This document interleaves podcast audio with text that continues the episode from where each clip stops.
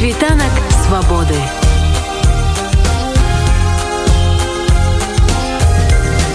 спіць вольнасці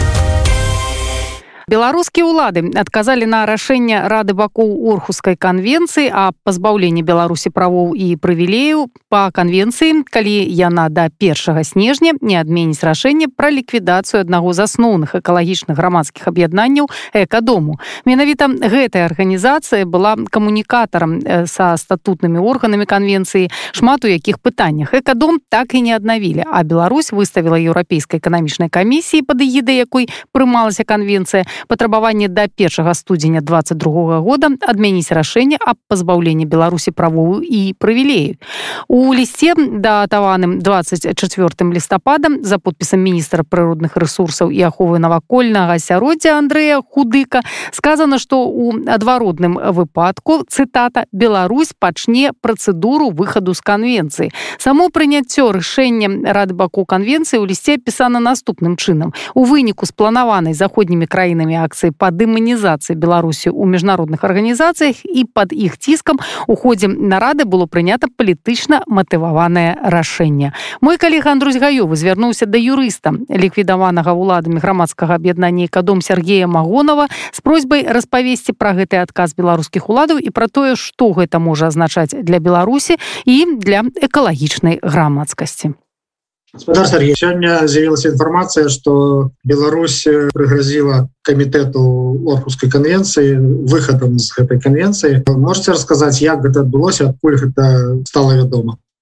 насамрэч сакратарыят оргуйской конвенцыі апублікаваў на веб-старонцы конвенцыі некалькі документаў якія яны атрымалі ад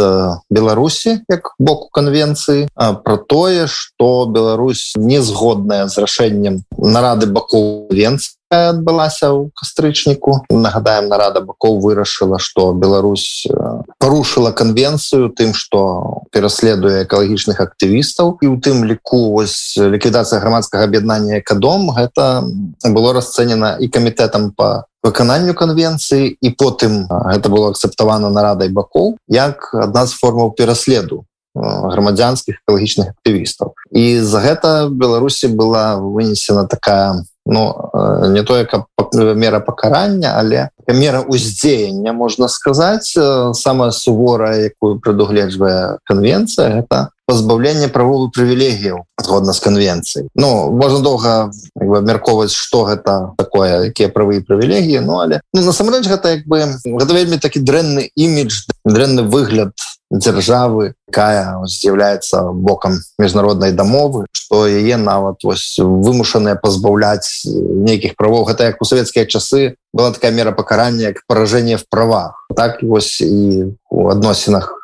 дзяржавы якія з'яўляюцца бакамі міжнародных дамоўленасці. І вось Беларусь якая была незгодная. Беларусь дарэчы на нарадзе бакова ініцыявала каб прыйшло галасаванне. Упершыню за всю гісторыю канвенцыі бакі прымалі рашэнне не кансенсусам але галасаваннем. Ну звычайна большасць выказалася за тое што трэба прымяніць да Беларусі гэтую меру ўздзеяння. І ось зараз яны накіравалі сакретарыяту ліст что маўляў мы вось такія добрыя у нас все добра мы вельмі шчыра працуем карысць аховы навакольнага асяроддзя удзельнічаем у розных праграмах. У нас есть там палітыкі сферы аховы навакольнага асяроддзя А вось у некаторых дзяржавах таксама шматлікія факты пераследу экалагічных актывістаў іх там саджаюць у турмы обшукваюць забіваюць Ну і з таким ось як бы таким намёкам что вось а да іх ніякіх мераў не прымянялась і таксама что евразвяз там ініцыяваў каб адклалі разгляд справы про невыкананне евразвяза морхускай конвенцыі Беларусь таксама у кастрычніку просила каб справу перанеслі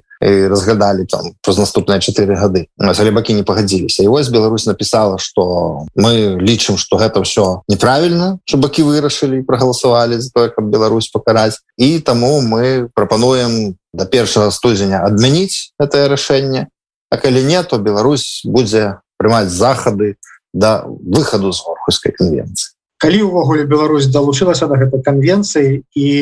что само по сабе гэта сяброўства в гэтай когорце дзяржавы якія з'яўляюцца бакамі канвенцыі под сабой прадугледжва Беларусі канвенцыі з самага пачатку то бок з 98 -го года 2001 она вступила у сілу для Беларусь Оргуская канвенцыя она такая даволі спецыфічная і унікальная у тым сэнсе что ну звычайна міжнароднае пагадненне гэта стасункі дзяржаў з дзяржавы А тут адным з суб'ектаў канвенцыі з'яўляецца грамадскасць. Бок дзяржавы дамовіліся про тое что яны надаюць пэўныя правы грамадскасці там права на доступ да экалагічнай інфармацыі права на удзел прыняцці экалагічна значных рашэнняў таксама права на доступ да правасуддзя каб грамадскасць могла абскардзіць калі вось гэтыя правы парушаюцца. Таксама канвенцыя прадугледжвае абарону ад расследу калі прадстаўнікі грамадскасці реалізуюць свае правы прадугледжанай канвенцыяй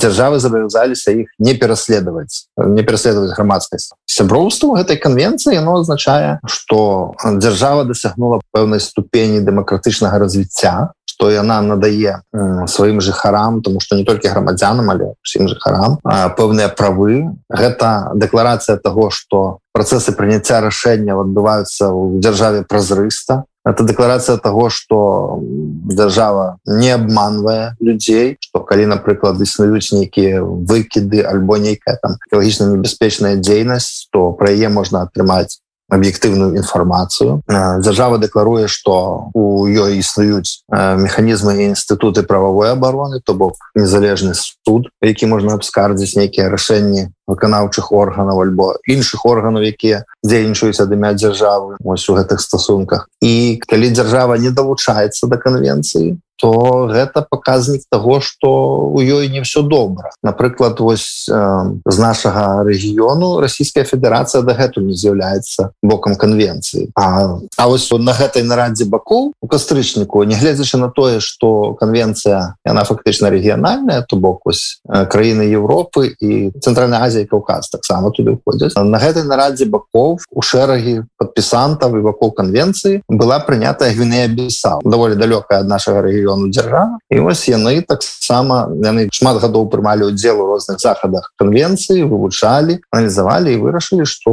вось яны таксама хочуць каб гэтыя все правілы мелі застасаванне ў іх. Таму ну это это пэўны такі паказчык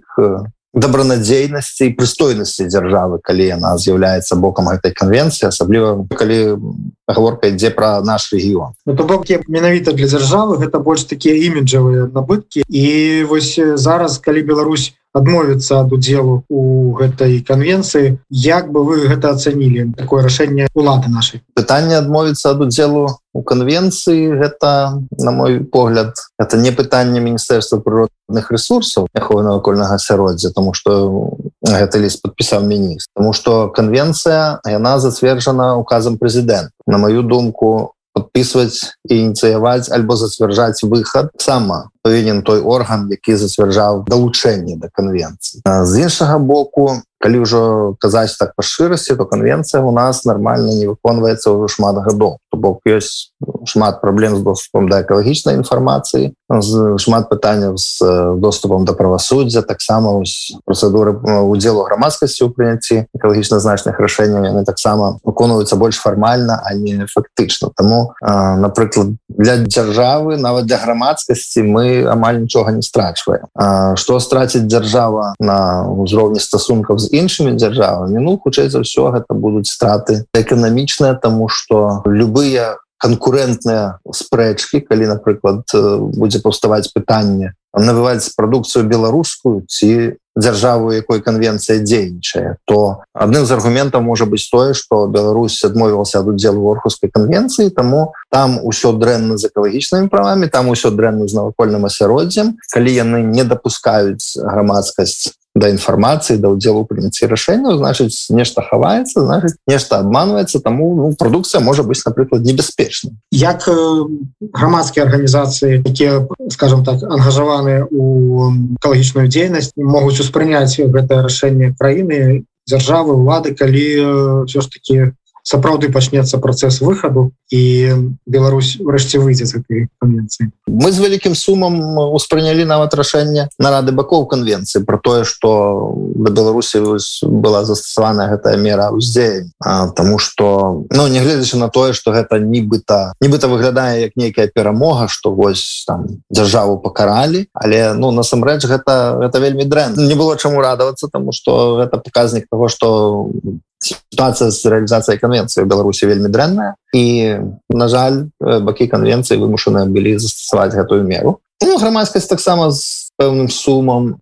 будзе дазіраць гэтыя працэсы выхаду тому что ну, звычайна для нас было шмат лепш калі б дзяржава заставалася бокам канвенцыі Ну і перадусім каб канвенцыя выконвалася ў дзяржаве бок калі б напрыклад напрыклад тэарэтычна калі Беларусь выйшла з канвенцыі але ў краіне пачало працаваць заканадаўства якое там тычыцца доступу да экалагічнай інфармацыі альбо ўдзелу грамадскасцю прыняцці рашэння добра может заставацца ў канвенцыі абы гэта все працавала але ж ну на жаль на жаль выходзяць не для того каб нешта палепшыцца для того каб паказаць нейкую крыўду там разам з дзвярыма і спрабаваць нешта давесці іншым дзяржавам. Таму можа ну, будзем сумаваць. А наколькі доўгі гэты працэс калі ён распачнецца? Колькі можа заняць выхада канец Ну гэты чатыры да, да наступнай нарады бакоў так ці іначай усе такого кшталту рашэнні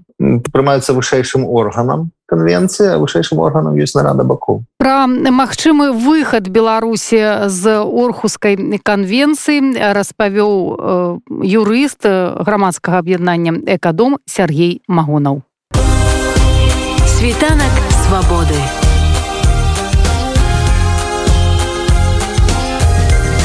Спіць вольнасці